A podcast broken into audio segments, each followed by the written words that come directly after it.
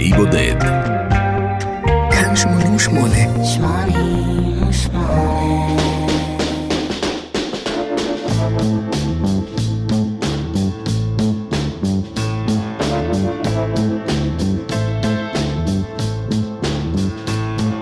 ערב טוב.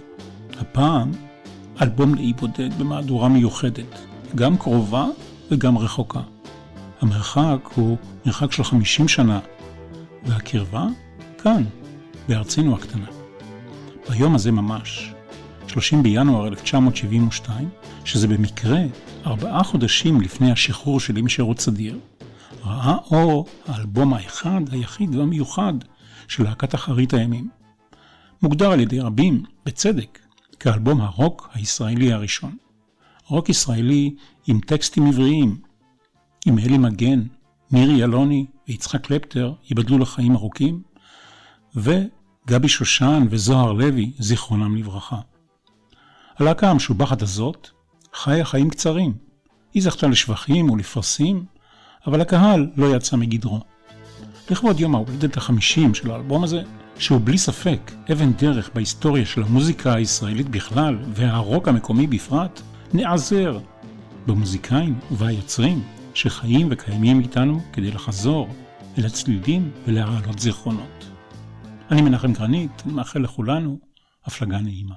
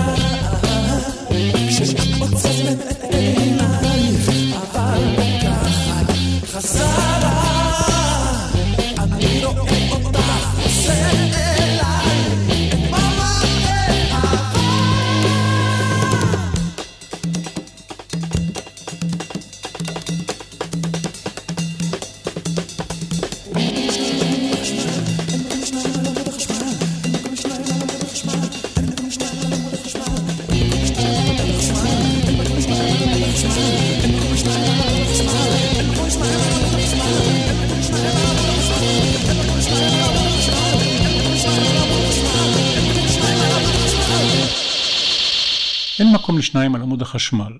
המילים של חנוך לוין והלחן של זוהר לוי, כמו כל הלחנים האחרים באלבום הזה.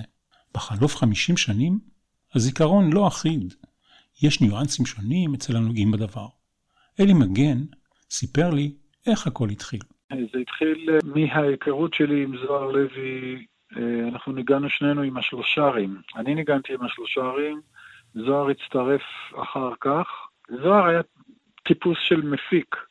היו לו תמיד uh, תוכניות, uh, הוא רצה לכתוב מוזיקה, הוא כתב את מלכת האמבטיה, ואנחנו הפכנו לחברים מאוד קרובים.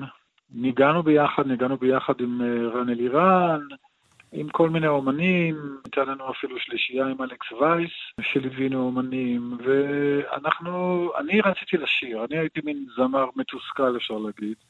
מאז שקיבלו אותי ללהקת הנחל, ולא כל כך אה, ניצלו את הכישרון במרכאות, אני יודע. לא, לא במרכאות, אה, כישרון. אה, כן, אני יודע, אני לא לוקח את עצמי יותר מדי ברצינות, אבל רציתי תמיד לשיר, ולא כל כך נתנו לי. בלהקת הנחל כמעט לא שרתי, אני יותר ניגנתי על גיטרה. וזוהר שיתף איתי פעולה, ואנחנו החלטנו שאנחנו רוצים ליצור איזה להקה, וברגע שהשלושה ערים אה, התפרקו, אז אנחנו התחלנו לחבר, אתה יודע, למצוא אנשים, ועשינו את להקת כיף התקווה הטובה, שהתפרקה כעבור איזה שנה או משהו כזה, לפני שהתחלנו אפילו להופיע. ואחרית הימים היא המשך ישיר של הלהקה הזאת שלא הצליחה. אה, כמובן עם אנשים אחרים, אבל זוהר ואני היינו, אתה יודע, הבסיס של הדבר הזה, וחיפשנו גיטריסט, חיפשנו עוד זמר, אני לא בטוח אה, מי היה הראשון, אם גבי היה הראשון או יצחק, אה, אבל נדמה לי שגבי. ואז מצאנו את יצחק, והתחלנו לעשות חזרות. ואחר כך אה, הצטרפה מירי אלוני מן הסתם. כן, מירי הצטרפה בשלב הרבה יותר מאוחר, לזמן די מוגבל. זוהר לוי נולד בעיראק וגדל במעברת מחנה ישראל ליד לוד. הוא נמשך למוזיקה מילדות, אבל מעולם לא למד מוזיקה באופן מסודר, מה שנקרא אוטודידקט.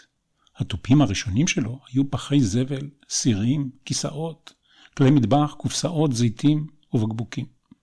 הפגישה הראשונה שלו עם גבי שושן הייתה במקהלת בית הספר. את הקריירה שלו הוא החל כמתופף בהרכבי ג'אז וכמתופף של להקת החלונות הגבוהים. אלי מגן מרחיב. כל העניין הזה הוא מגיע מזוהר. זוהר היה חבר של חנוך, הוא כתב גם את המוזיקה למלכת האמבטיה. זוהר היה מסתובב בבוהמה, מה שנקרא. הוא הכיר אה, שחקנים, במאים, משוררים, המטרה שלו הייתה, וגם הלהקה הזאת, בעצם המטרה המוצהרת שלה הייתה אה, לעשות רוק אנד רול, אבל עם אה, טקסטים של משוררים או סופרים או אנשים, הטקסטים ברמה מאוד מאוד גבוהה. זה היה חלק מהעניין. כמובן שהכרנו את חנוך, הכרנו עוד, אתה יודע, ניסים אלוני ביים אותנו, עמוס קנן כתב לנו שיר אחד, דליה רביקוביץ', אז כן, אנחנו היינו, אתה יודע, בחברה הזאת, עוד פעם, בזכות זוהר, זוהר אה, בעצם חיבר אותנו לאנשים האלה.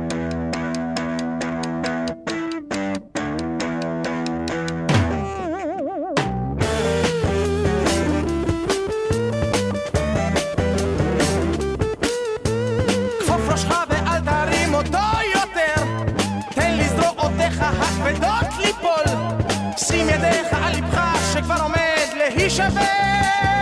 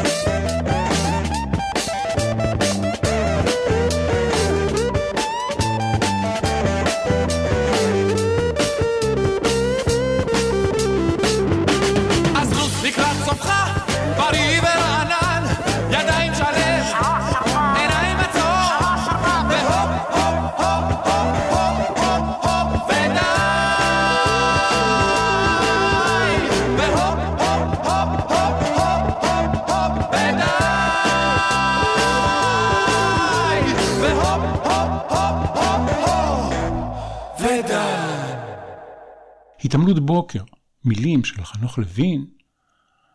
גבי שושן נולד בקזבלנקה, וכשעלה לארץ, הוא גר באותה המעברה, סמוך ללוד, שבו גר זוהר לוי.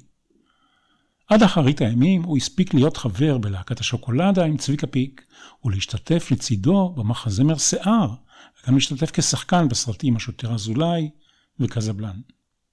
גם יצחק קלפטר כבר היה מוזיקאי עם ניסיון באותם הימים. מאחוריו עמדה לתפארת להקת הצ'רצ'ילים, שנקראה על שמו. בצבא הוא היה חבר בצוות הוואי של החטיבה ה-14 של השריון, הוא ניגן בלהקת הסגנונות של עוזי פוקס, וכבר הספיק להקליט עם אריק איינשטיין באלבום יסמין. כבר אז היה יצחק קלפטר גיטריסט הרוק בה"א הידיעה בארץ. אחרית הימים הייתה להקה שפעלה זמן קצר. עשינו בערך תשעה חודשים חזרות, ויצא ממנה תקליט והופעות, אבל זה נגמר. אחרי התשעה חודשים, עוד כחצי שנה, כולה היה שנה, שנה וחצי. הלהקה התבססה על זוהר לוי. הוא צירף את החבורה הזאת, את האנשים, אלי מגן, מירי אלוני, גבי שושן, ז"ל. והעניינים התארגנו, מה אני אגיד לך? מבחינתי היום, כל הלהקות שעבדתי איתן וכל זה, כל הדברים האלה זה מאחוריי כבר, אני לא מתעסק עם זה כבר הרבה זמן. ומי הייתה הנסיכה של אחרית הימים? מירי אלוני. כוכבת להקת הנחל שאחרי שחרורה פנתה לזוהר לוי. היא הייתה האחרונה שצורפה ללהקת אחרית הימים.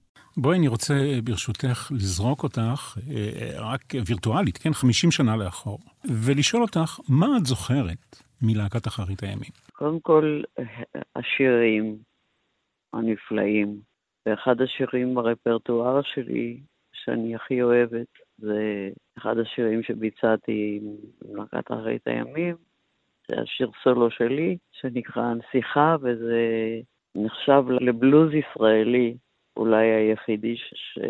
שהיה מאז ועד היום. יצחק קלפטר טוען שהוא שותף רציני מאוד בהלחנה של השיר הזה.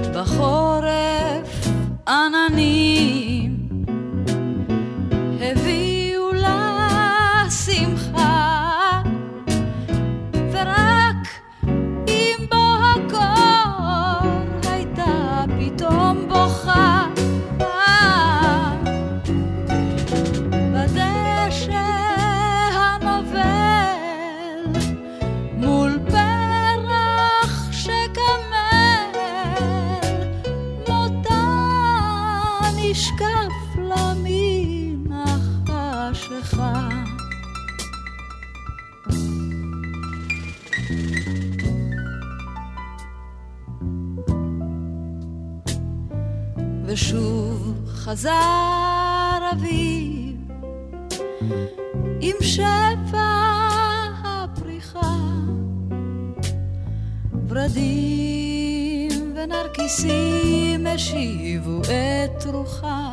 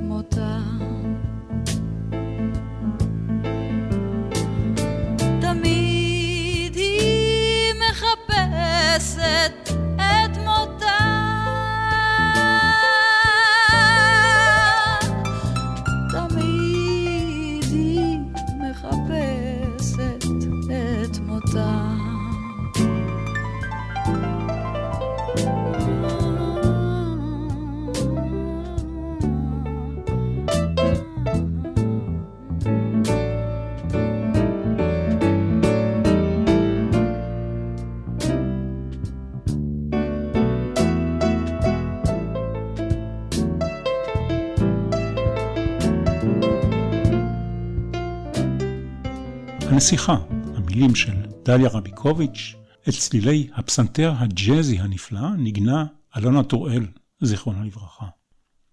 אלי מגן, גבי שושן ומירי אלוני. איך מסתדרים שלושה זמרים בתוך להקה אחת? תראה, זה לא היה בדיוק כך, זה היה בהתחלה סביבי, אני הייתי אה, הזמר, כאילו, וכשגבי הצטרף, אז גם הוא שר, והיינו שנינו, זה לא היה שלושה, היינו שנינו, אה, אתה מדבר על מירי בתור השלישי? כן, כן, כן.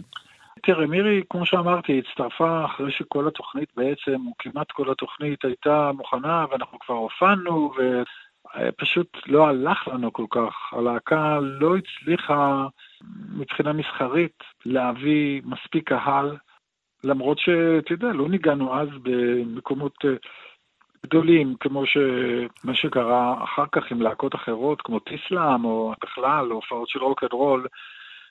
שהתפתחו לכיוונים אחרים הרבה יותר גדולים, עם קהל הרבה יותר גדול. אנחנו היינו די חלוצים בעניין הזה, ואנחנו ניגנו במקומות קטנים, אנחנו הופענו בצוותא ובאולמות, אתה יודע, כמו שהופיעו אז. זה היה אחד מהדברים, אני חושב, שהכשילו אותנו, מכיוון שאנחנו ניגנו כנראה חזק מדי לקהל שלא היה רגיל לשמוע ווליום כזה במקומות כל כך קטנים. ומכיוון שהלהקה לא הצליחה כל כך בו, ב- ב- מבחינה מסחרית, אז ניסינו, אתה יודע, ל- ל- למצוא אה, משהו שכן אה, יעודד את ההצלחה של הלהקה. זוהר היה מאוד מאוד קנאי לעניין הזה, זה היה מאוד מאוד חשוב לו, זה היה מפעל החיים שלו, אפשר להגיד. ככה יצא ש... שחיפשנו. ובסוף החלטנו אה, להביא זמרת, ומירי הצטרפה. אבל מירי הצטרפה, כמו שאמרתי, הרבה יותר מאוחר, אז זה לא נבנה מראש אה, על מירי. ואז הציעו לנו אה, לעשות תוכנית עם אריק, ו... ואז היא פרשה. יצחק קלפטר. זוהר היה לו חבר בעל פאב, והיינו עושים בפאב היום בבוקר חזרות. אבל בסופו של דבר זוהר לקח את כל הקרדיטים, ופה אני קצת מסתייג. כן. אני חושב שמגיע לי קרדיט, וגם לאלי מגן, וגם למירי, וגם לגבי, אתה מבין, על היצירה הזאת, שקוראים לה אחרית הימים. אבל היו טקסטים של חנוך לוין, של אה, עוד ככה חבר'ה בכירים מהכותבים בטקסטים. כן, כן. עמוס, עמוס קינן. אה, דליה רביקוביץ'. היו טובים מאוד, כן. אז- זו הייתה להקה של טקסטים, אתה מבין? באיזשהו מקום, מה, ש, מה שאתה אומר זה שהתרומה שלכם ליצירה, כאילו, לא, לא קיבלה את הקרדיט המ- המגיע לה, מה שנקרא. האחרים בלהקה לא קיבלו את הקרדיט. למרות שאני באופן אישי, הסולו גיטרה שלי באחרית הימים, שם הוא יצא ב- ב- בתחרות הגיט... הסולו המוקלט הכי טוב שהוא כן. הוקלט בארץ. אתה מסכים עם זה, את יצחק? זה אתה יודע, כן, בטח שאני יודע. אתה מסכים עם זה? אני שמח עם זה, מה זאת אומרת. כן, כן. העץ הוא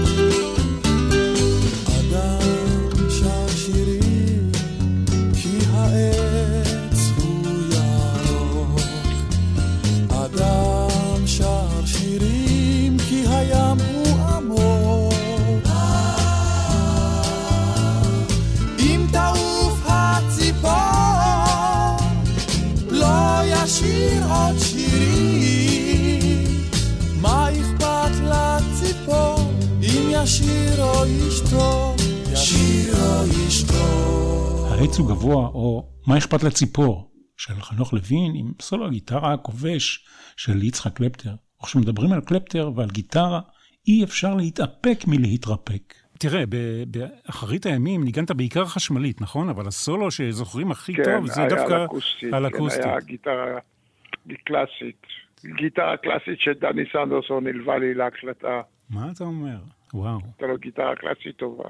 הסולו של יצחק קלפטר בשיר העץ הוא גבוה נחשב לסולו המשובח ביותר. הוא נבחר במקום הראשון בתחרות סולואים שעשה בשעתו עיתון העיר. ומה הסולו השני הטוב ביותר בכל הזמנים? נכון, גם כן סולו של יצחק קלפטר, הסולו הנפלא שלו בשיר סתיו של אריק לוי. ועל כן נדרשת פה, ברשותכם, קצת נוסטלגיה.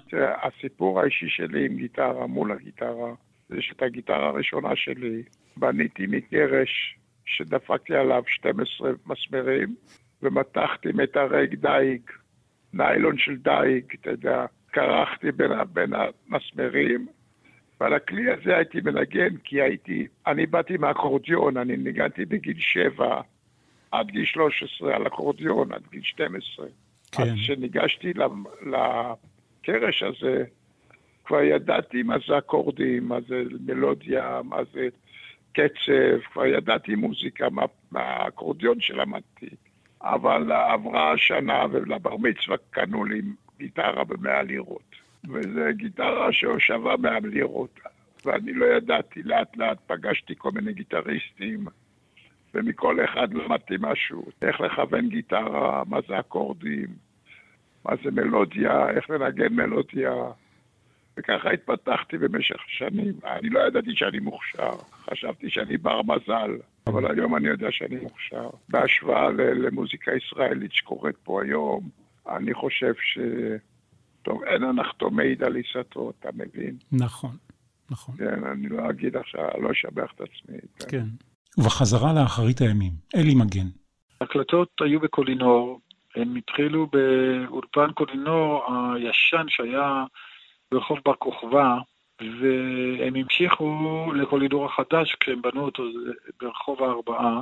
אתה יודע, אנחנו באנו מוכנים להקלטות כמובן, כי אנחנו עשינו המון המון חזרות, היינו מאוד מגובשים, ידענו בדיוק, אה, אתה יודע, מה אנחנו עושים באולפן. נכנסנו והקלטנו. זה היה, זו הייתה תקופה אחרת, זה, זה לא כמו היום, היום אה, זה, זה, כל העסק הזה השתנה מהקצה לקצה, אתה יודע, פעם אה, לא היו הרבה ערוצים, אה, אה, הכל נעשה כאילו live. אתה זוכר הגעת אם זה היו ארבעה או שמונה ערוצים? זה, לא היו שמונה, לא היו שמונה ערוצים. אחר כך הם קיבלו מכונות יותר משוכללות בקולינור החדש, אבל uh, בהתחלה היה דורי, uh, הוא היה uh, טכנאי בגלי צה"ל, כן. כמה שאני זכור לי, הוא, הוא הקליט אותנו, אבל כן, יש, יש הכפלות, הוא גבוה למשל, אז יש הכפלה של הגיטרה, של הסולו של uh, יצחק. כן. אה, אבל מעבר לזה, הכל היה מוקלט live, אתה יודע, אנחנו היינו מנגנים ושרים, זה מה שזכור לי, אולי אני טועה. לא יודע, קודם כל זה נשמע מצוין, אתה יודע. אה, היום הרי אני עושים... חושב אה, גם ככה. כן. אני חושב ש... ש, ש אני אוהב, גם, אתה יודע, גם בג'אז מן הסתם, אני אוהב את ההקלטות האלה, שמקליטים live to tape, מה שנקרא. יענקל'ה רוטבליט כתב את המילים לשיר הבא, הלחן של חנוך לוין הוא כעין הצדעה לביטלס. אריק איינשטיין וצבי שיסל שרו קולות בהקלטה הזאת. יש לי יום הולדת, זה שיר שזוהר כתב, אה, כלומר הוא הלחין טקסט די, אה, די קליל כזה של אה, ינקלה רוטבליט, והוא אמר, אתם רוצים לראות שאני יכול לכתוב שלאגר? הנה, קחו שלאגר.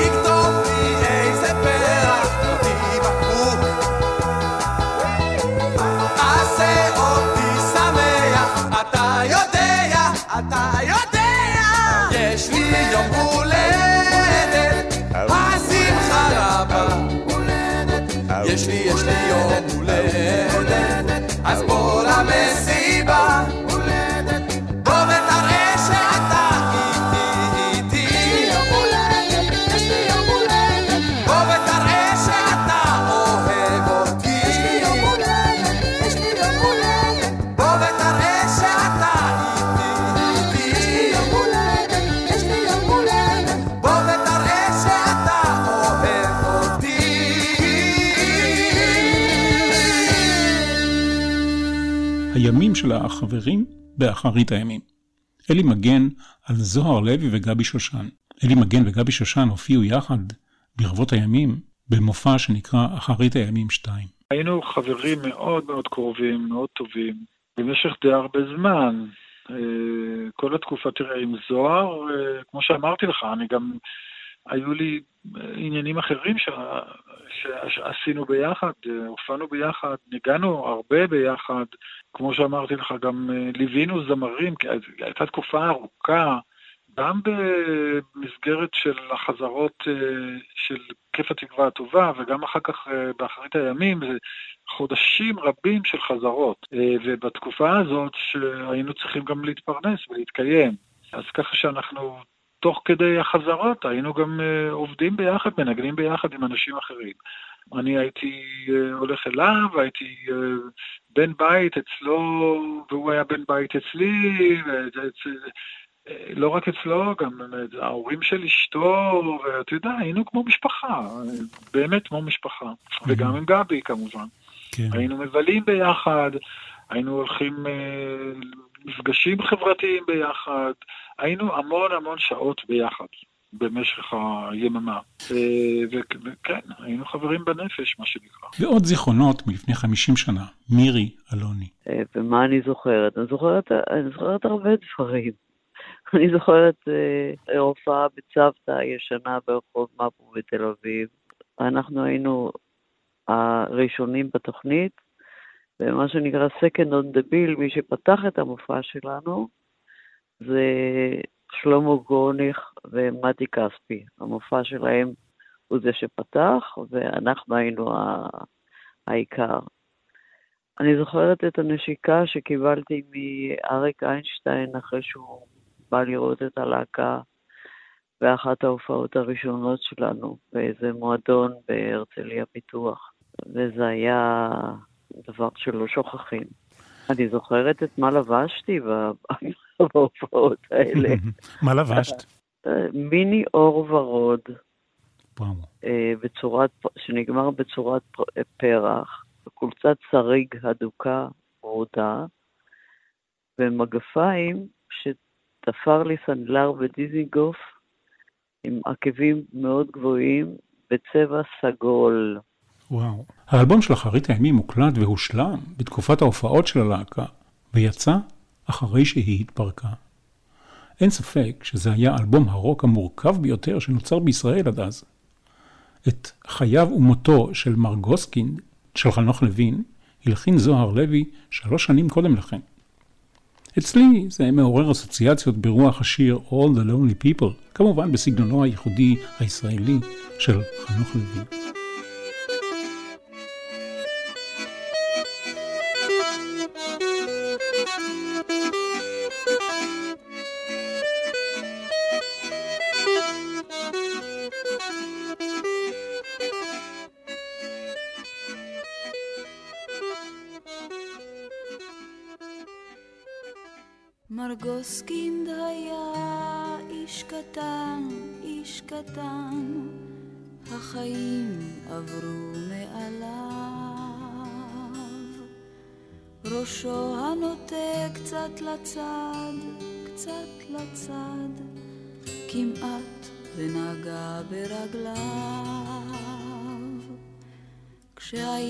בן עשרים ואחת עוד נותרו לו שיני החלב. מרגוסקי היה איש קטן, איש קטן, החיים עברו מעליו. הוריו עוד קיוו שיגדל, אבל הוא לא רצה עוד לגדול. לשם מה להרים את הראש, את הראש, אם ממילא סופו שיפול. וכיוון שמעת לדבר, גם לא התחלף לו הכל. הוריו עוד קיוו שיגדל, אבל הוא לא רצה עוד לגדול.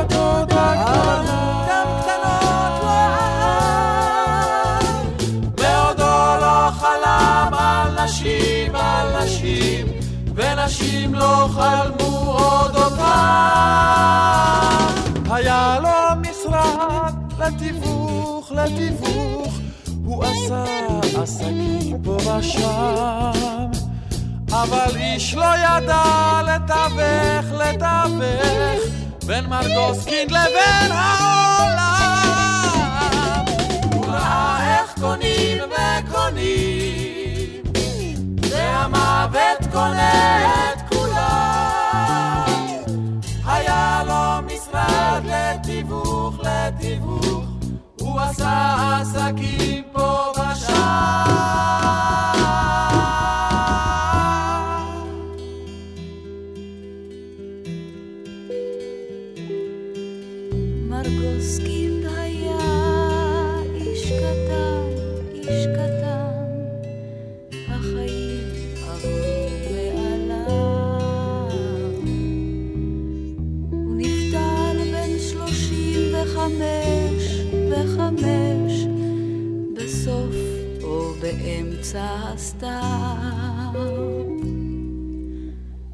קברו שמו אבן קטנה, ועליה באמצע נכתב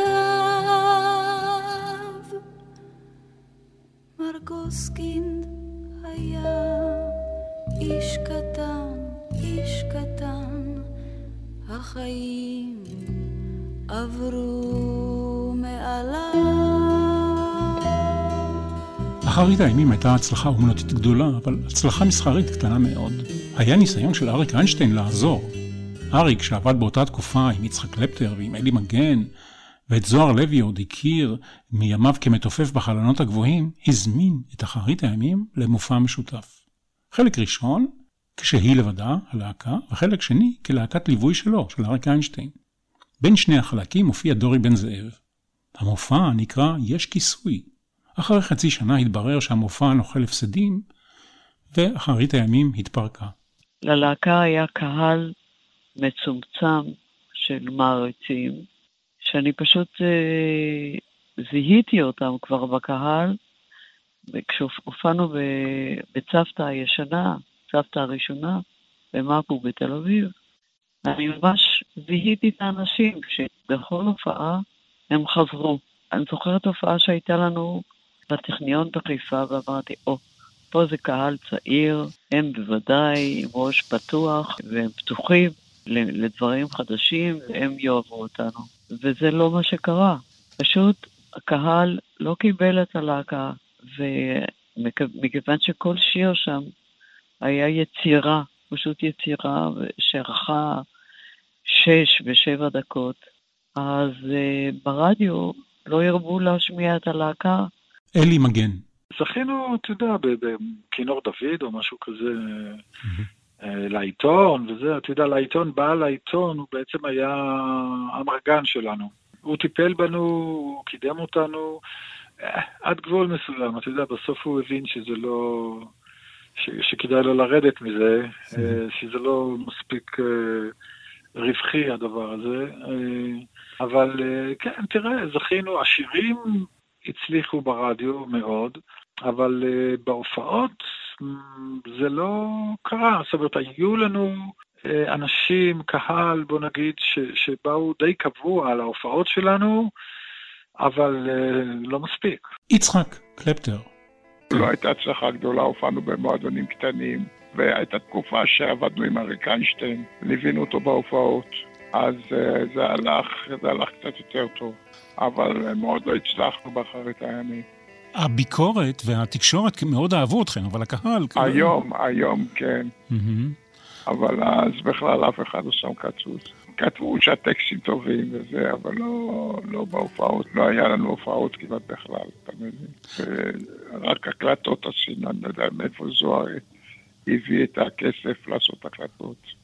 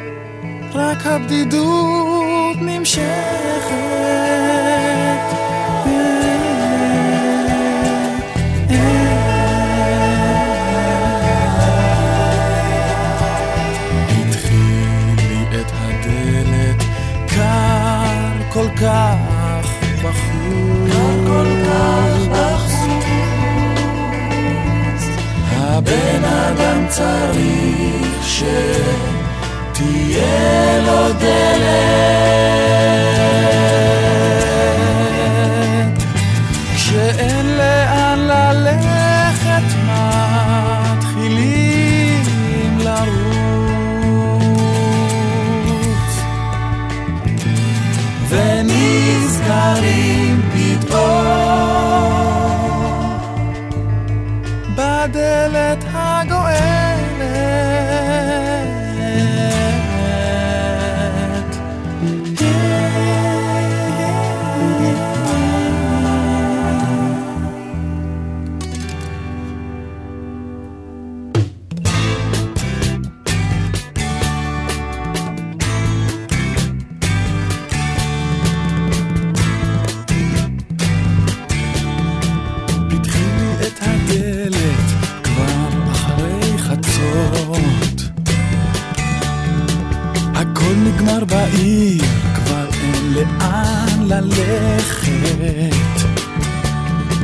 כבר אין לאן לבוא ואין כבר מה לרצות.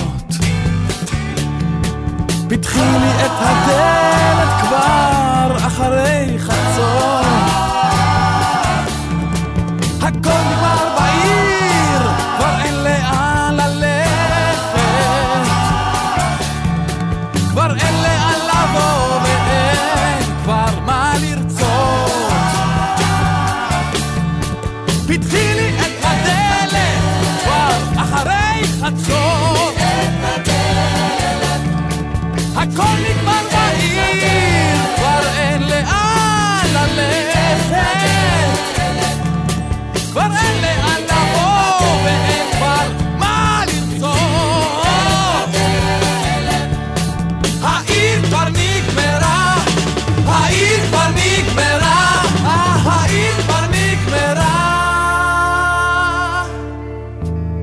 عقب دود نمیشه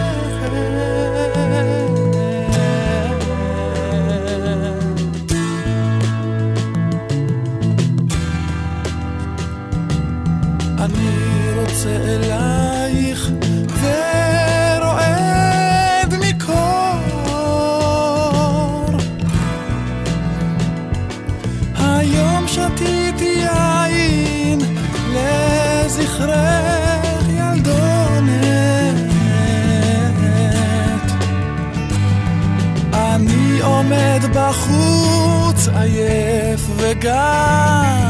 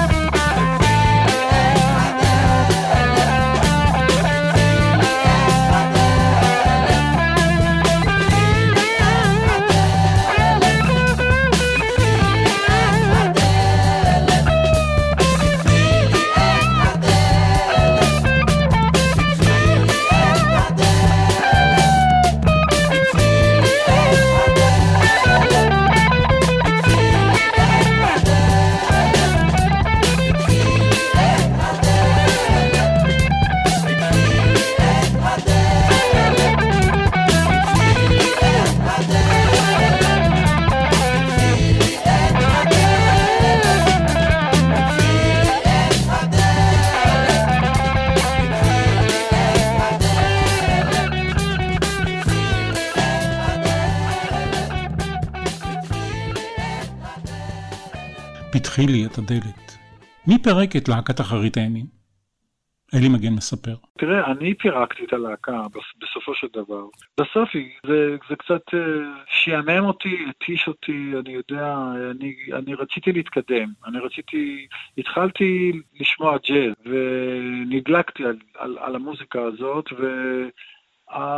מה- מהבחינה הזאת באמת הלהקה לא הלכה לאף מקום. אתה יודע, שום דבר שעשינו לא ממש הצליח. גם ההופעות עם אריק לא כל כך הצליחו מבחינה מסחרית. צריך להבין שגם אריק, שהיום, אה, אני חושב שגם אחרי, אחרי מותו, אולי אפילו יותר, הוא, הוא, הוא הפך למין דמות נערצת כזאת, שכולם מדברים עליו, הוא, הוא התקרב לאלוהים אה, מהבחינה הזאת של, אה, אתה יודע, הזמר הישראלי, הזמר ההוא, ואתה יודע, הישראלי וכולי וכולי.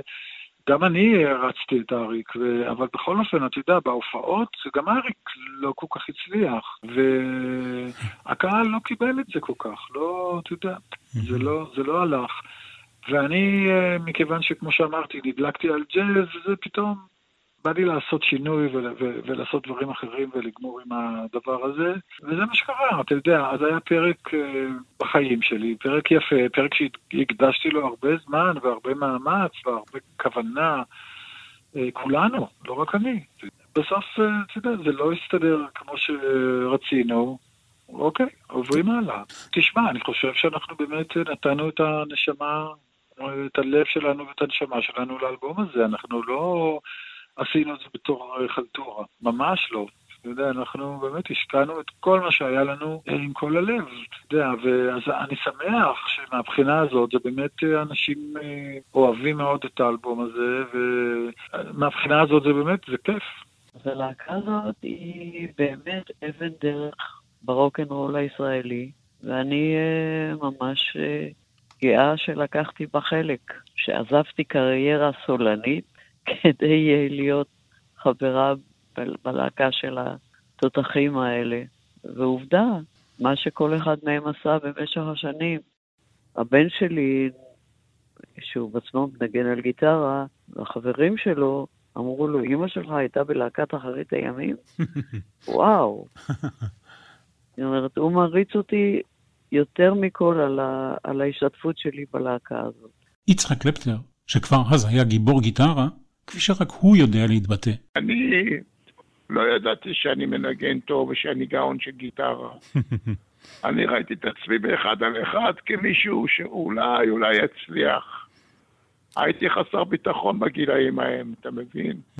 היום אני יודע שאני מוכשר ושאני גאון ושאני כל הסיפורים. ואני גם בחור יפה ומוצלח והכל נכון. טוב ואני מצליח, אתה מבין? אבל זה רק היום אני יודע. אז נראה לי העניינים היו בוערים, אתה מבין? תראה, הלהקות היום לא מעניינות אותי. כל הלהקות שעשיתי, אני חושב שעשיתי בזכות עצמי. הגעתי בזכות עצמי לאן שהגעתי. לסיכום, ביקשתי מדורי בן זאב, שהיה חלק אינטגרלי מהמופע המשותף של אריק איינשטיין ואחרית הימים, לומר כמה מילים. זו הייתה להקה שהאומנים, השחקנים, אנשי תרבות מאוד מאוד אהבו, שדרנים ברדיו אהבו, ובכלל לא, לא נהר קהל להופעתה של אחרית הימים, אבל כשהם ליוו את אריק איינשטיין במופע יש כיסוי, אה, בהנחייתי, אפשר לומר שזו הייתה מחווה נהדרת לתרבות המיוחדת ולשיריו המקסימים של אריק איינשטיין. זה שאריק לקח תחת חסותו להקה כל כך איכותית, זה היה באמת משהו מיוחד. תקופה פסיכדלית, אולי תקופה פסיכית, מלאה בתזזית ובהומור וברצון לבעוט ולשנות ולפרוץ דרך. מה שנקרא מנהל הלהקה, מפיק הלהקה, המפיק המוזיקלי של הלהקה, היה זוהר לוי, שגם כתב את, את כל השירים. הוא היה מתופף, לא מהעולם הזה. הוא היה שילוב של כל כך הרבה כישרון עם סווינג ורוקנרול מיוחד, והאבי מטאל, ודברים שהם תיאטרליים, קברטים, ג'אזיים. באמת, אווירה מרהיבה הוא נתן על התופים. אלי בקולו ובנגינת הבאס המופלאה שלו, וגבי עם גיטרה 12 מיתרים, עם מטלטלים מלא בעוצמה וקולות חזקים. וצ'רצ'יל, יצחק קלפטר עם הגיטרה המובילה, שכל כך אנחנו זוכרים את הסולו המיוחד בעץ וגבוה. ובכלל, יש שם הברקות מוזיקליות. הם עבדו הרבה מאוד על ההרכב הזה. ברחוב קטן, ליד מועדון ברברים. וכן, הייתה להקה אש. מיוחדת במינה. לסיום, נשמע את תחת עץ האקליפטוס של חיים חפר. מתוך השיר הזה נלקח השם של להקת אחרית הימים. תודה למירי אלוני, אלי מגן, יצחק קלפטר, דורי בן זאב. נזכור לעד את זוהר לוי ואת גבי שושן, ותודה ללירן חג'אג' על העזרה בהפקה. בריאות לכולנו, אני מנחם קרנית. כל טוב. תחת